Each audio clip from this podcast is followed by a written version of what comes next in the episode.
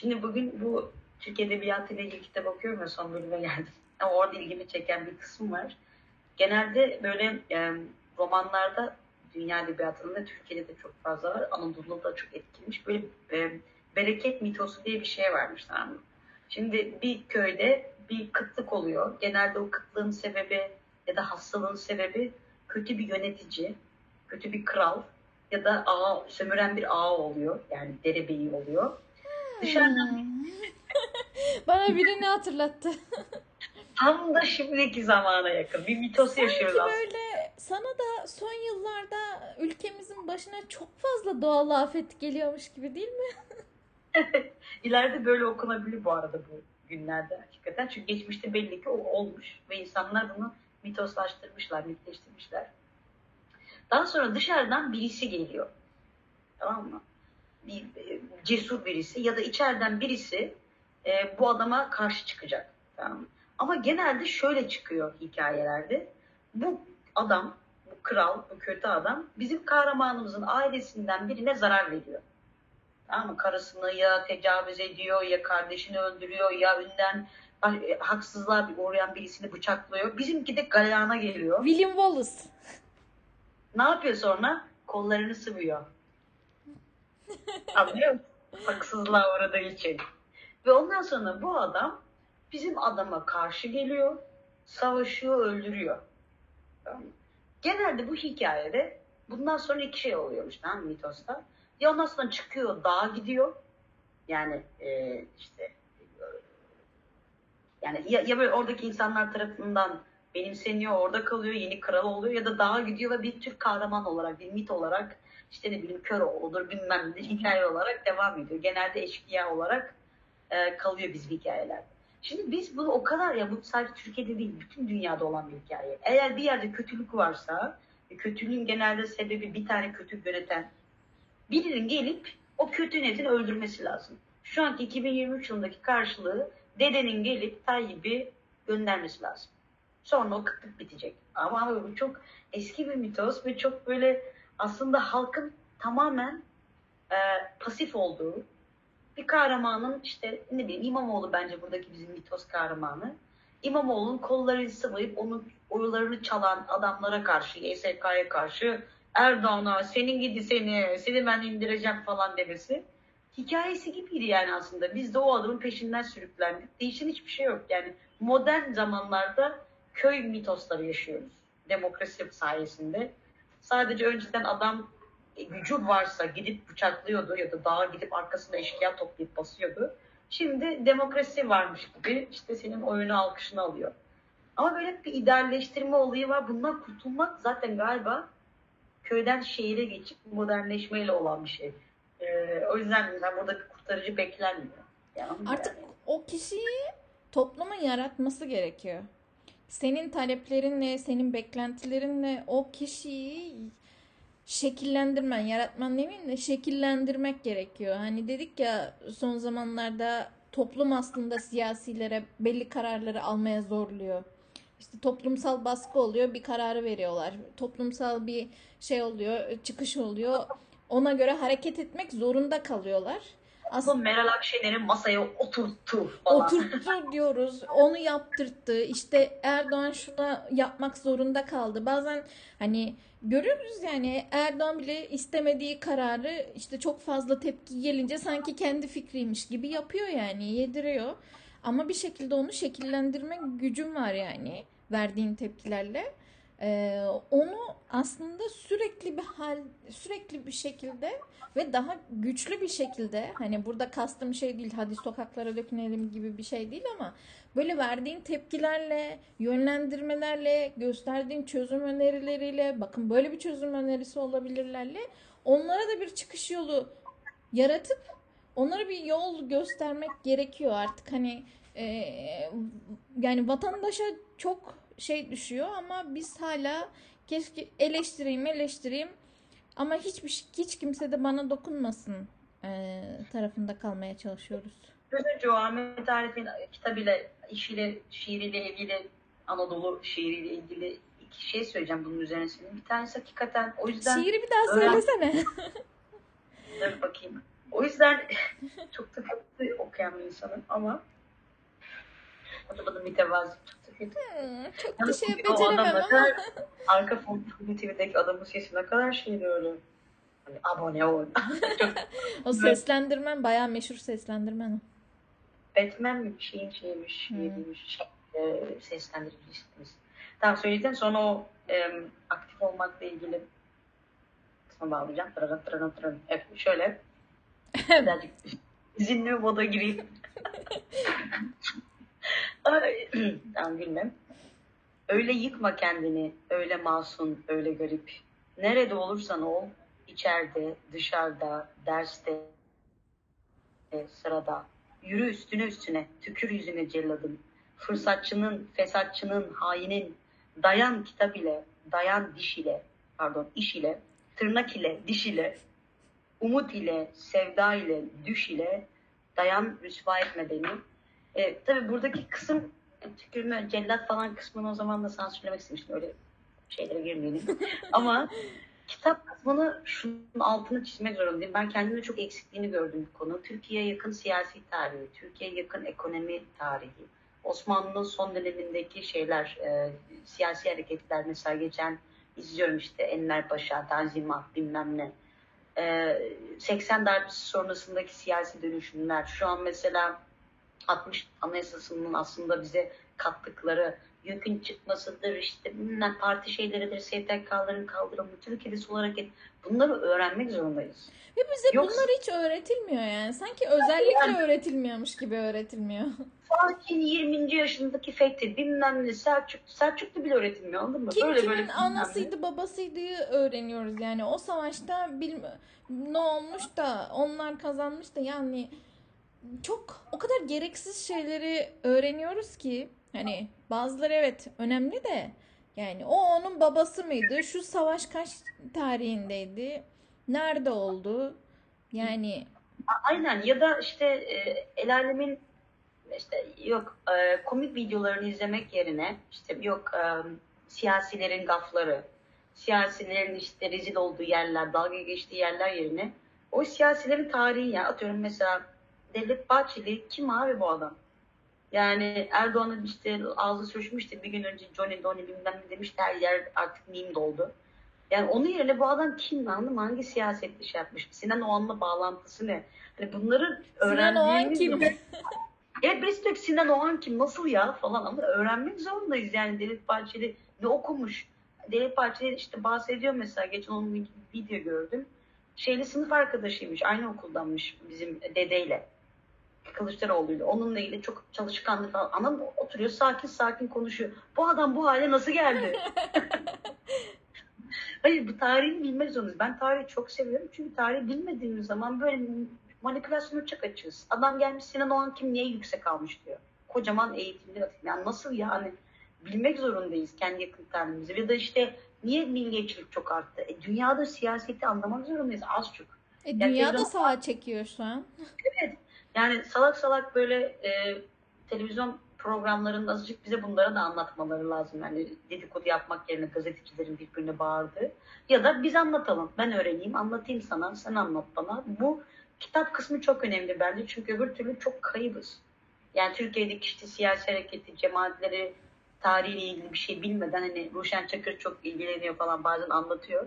Bunu bilmeden tarikatlar geldi başım. Abi tarikatlar hep vardı ya hani şimdi böyle yeni Tarikatlar hiç gitmedi.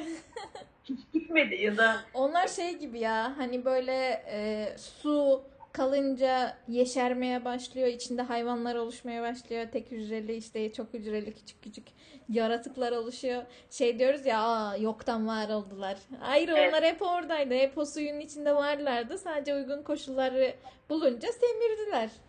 Ya da benim gündelik hayatta çok sık karşılaştığım e, küçük meyve sinekleri dışarıda yani gerçekten o meyve sineklerinden Allah razı olsun.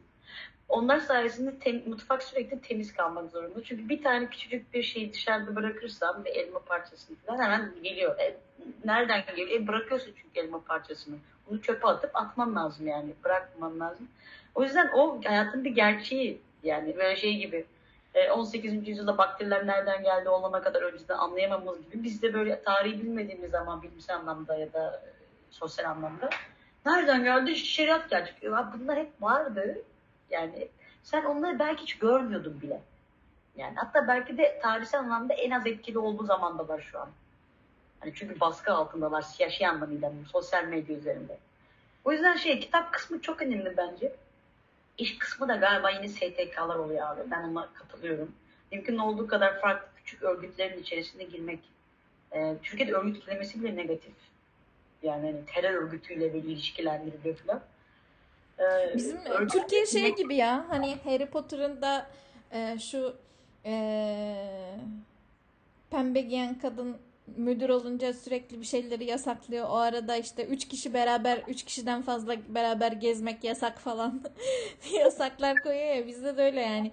Biraz kalabalıklaşırsan lan bunlar bir şey mi yapacak diye böyle hemen bir tedirginlik. İşte bir şey öğretmek, bir şey çıkartmak gerekiyor. O onu yaptıkça rahatlıyor. Hatta sen de öğlen konuştuğumuz gibi insan e, kendi bildiği kültürde ve aslında ihtiyacı olan yerde daha fazla şey üretip daha etkili ve verimli olabiliyor. Yani ben hani burada ne, ne yapacağım insan şaşırıyor. Ne yapabilirsin ki? İşte önce kitap buluşmaları falan yapıyorum. Hani biraz böyle şey olsun. Bir araya gelelim ya da zaten yapılmış bir sürü organizasyon var. Hani onlara katılabiliyorsun. E Türkiye'de bir sürü organizasyon var. E, aslında biraz böyle şey e, yurt dışında olmanın bence avantajı insanlar siyasi anlamdaki sorunları çok bilmiyorlar azıcık bir Katalanla İspanyol'da takılmaya başladığın zaman senden benden daha dertliler. Yani çünkü herkes eğer sorun yaratmak isterse İsveç'te de sorunlar var. Onların az ya da çok olması önemli değil. Yani hani e, senin çok acı çektiğini düşündüğün bir adam hiç acı çekmiyormuş gibi gözükebilir. Türkiye'deki bir insan mesela. Çok rahat olan bir insan ne bileyim Zorsa'nın sivilce var diye bütün gün acı çekebilir yani. yani. Bu yüzden olayın küçüklüğü ya da büyüklüğü değil de bize ne hissettirdiği önemli galiba. Ee, bir şey yapmaya çabalamak o iş ile kısmı, kitap ile iş ile kısmında ben e, şey inanıyorum yani o STK muhabbeti, insanlarla bir şeyler organize etmek, üretmek. Yani sen mesela bir sürü eğitim veriyorsun.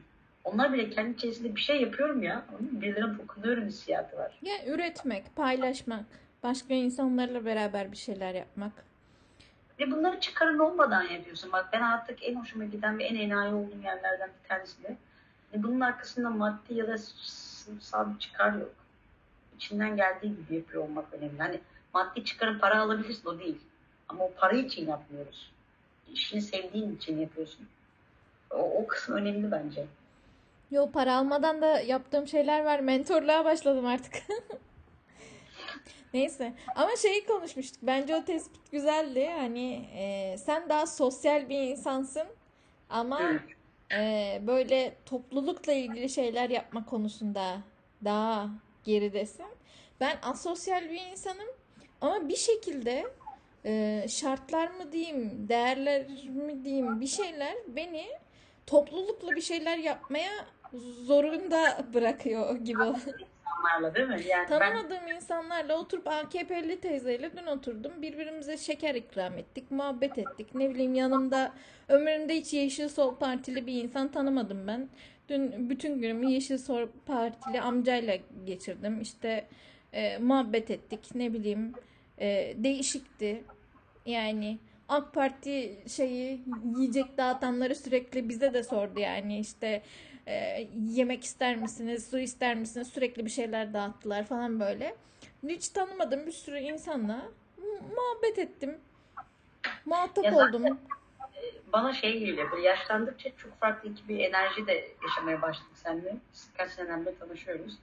Hani e, ben daha aslında kendi kabuğumda sosyal hani enerjiye geçmeye başladım. Herhalde bir 70 yaşına sen de aslında yani 20 yaşların başındakinden daha fazla e, değişik gruplara, networklere, insanlara açılmaya başladım. Ve onların e, idealleri, onların grupları, psikolojileriyle entegre olmaya başladım yani.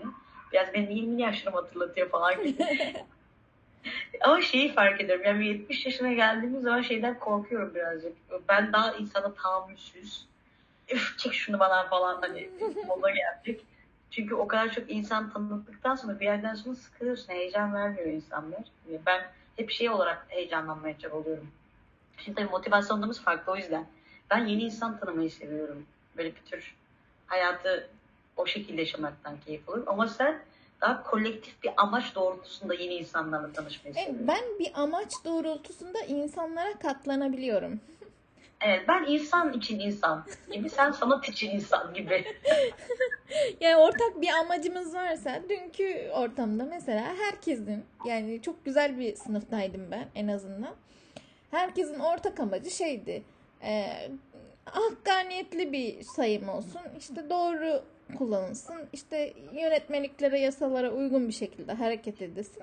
Kavgasız gürültüsüz şu günü atlatalım. Herkesin orta- amacı ortak olunca herkes birbirine yardım etti. İşte anlaşılamayan noktalarda da birbirine ya- yardım etmeye çalıştı. E, Gayet güzel bir seçim. Aslında hani dün herkes yıkılırken benim biraz da pozitif olmamın sebebi ben çok kötü çok daha kötü bir seçim ortamı hayal ediyordum. Yani sandık başında kavgalar, gürültüler işte sandık başkanıyla kavga etmem gerekirse ne yapacağım ben kimseyle tartışamam ki falan böyle ağlaya ağlaya kaçar mıyım o sınıftan falan gibi böyle e, kaygılarla gittim o sınıfa. E, Ve herkes çok iyi, iyiydi yani. Herkes çok iyi niyetliydi. Bir böyle sonuna doğru artık insanlar yoruldu bir hani hafif ufaktan ya hadi bitirelim de gidelim şeyleri başlayınca bir tripler başladı. Aa, herkes çok iyiydi. O yüzden ben günün sonunda şey oldum. Ne güzel bir seçim geçti ya hani. bir daha yapsak, bir de dansı bir daha geliyor. Yani çünkü hani hiç müşahit olan varsa bilir yani bir saatten sonra şeye dönüyor yani. Hele de gelenlerin sayısı azaldığında falan herkes birbirine yiyecek ikram etmeye, muhabbet etmeye, hadi bitsek heyecanlı bekliyoruz falan böyle. Herkes tatlı tatlı muhabbet ediyor yani. Bu arada seçim demişken bu hafta sonu ben oy kullanıyorum. Darattaran. Ne oyu? Hangi oy olacak? İkinci... Evet. Aa doğru sizinki hemen oluyor. Zevkli olmuyor. Ben oy kullandıktan sonra arada geçiyor yani süre geçiyor. Bir hafta böyle sürekli siyasi şeylere maruz kalıyorum. Kim çekilecek, kim çekilmeyecek. Sizin zaman şeyiniz farklı tabii doğru. Yani o açıdan evet yani o büyük bir amaçla bir araya geldiğin zaman ama mümkünse e, ulvi bir yere bağlandığı zaman daha da güzel. Hani işte ne bileyim çevreyi güzelleştirmek, işte ağaç dikmek, efendime söyleyeyim bir hafiften böyle bir ideoloji olmak zorunda değil. Ama bir lojisi olsun. yani yani kendi içerisinde bir mantığı, kendi içerisinde bir böyle bir genel kavrayıcılığı, kavrayıcılığı olsun istiyorsun. O zaman insan o erime oluyor. Ben ona LSD kafası diyorum. Tamam mı? Yani bir bütün içerisinde olay- olayı insanı iyi, önemsiz ve güçlü hissettiriyor. Garip bir ironiyle. Tamam mı? Benim bahsettiğim olay çok kendi içinde takılma. Yani böyle çok öyle büyük bir ila, ila- şey yok. Ben iyi yapayım, ben güzel yapayım. Dolayısıyla çok farklı iki karakter olarak e, takılıyoruz. Zaten onu konuşmuştuk ya Marcus Epicurus olayı gibi birazcık. E, orta noktayı bulmak lazım. E, Anadolu Ajansı ile Ankara'nın orta noktada buluşması gibi. Yani e, günün sonunda ne oluyor? Rakamlar ilk başta çok farklı oluyor. Sonra yavaş yavaş yavaş yavaş ikisi de ortaya buluyor yani. Biliyoruz Tuğba. Değil mi? Artık o yaşlara geldim. Bazen kendi kendime şey oluyorum. Evet artık süremiz e, süremizin sonuna doğru geliyoruz belli ki. Yani her halükardan bakarsan e, öbür taraftan bakarsan bayağı geçmiştim. Hani Yani süremizin sonuna geliyoruz kadar sert konuşmayalım da en azından ikinci yarıya girdik diyebiliriz.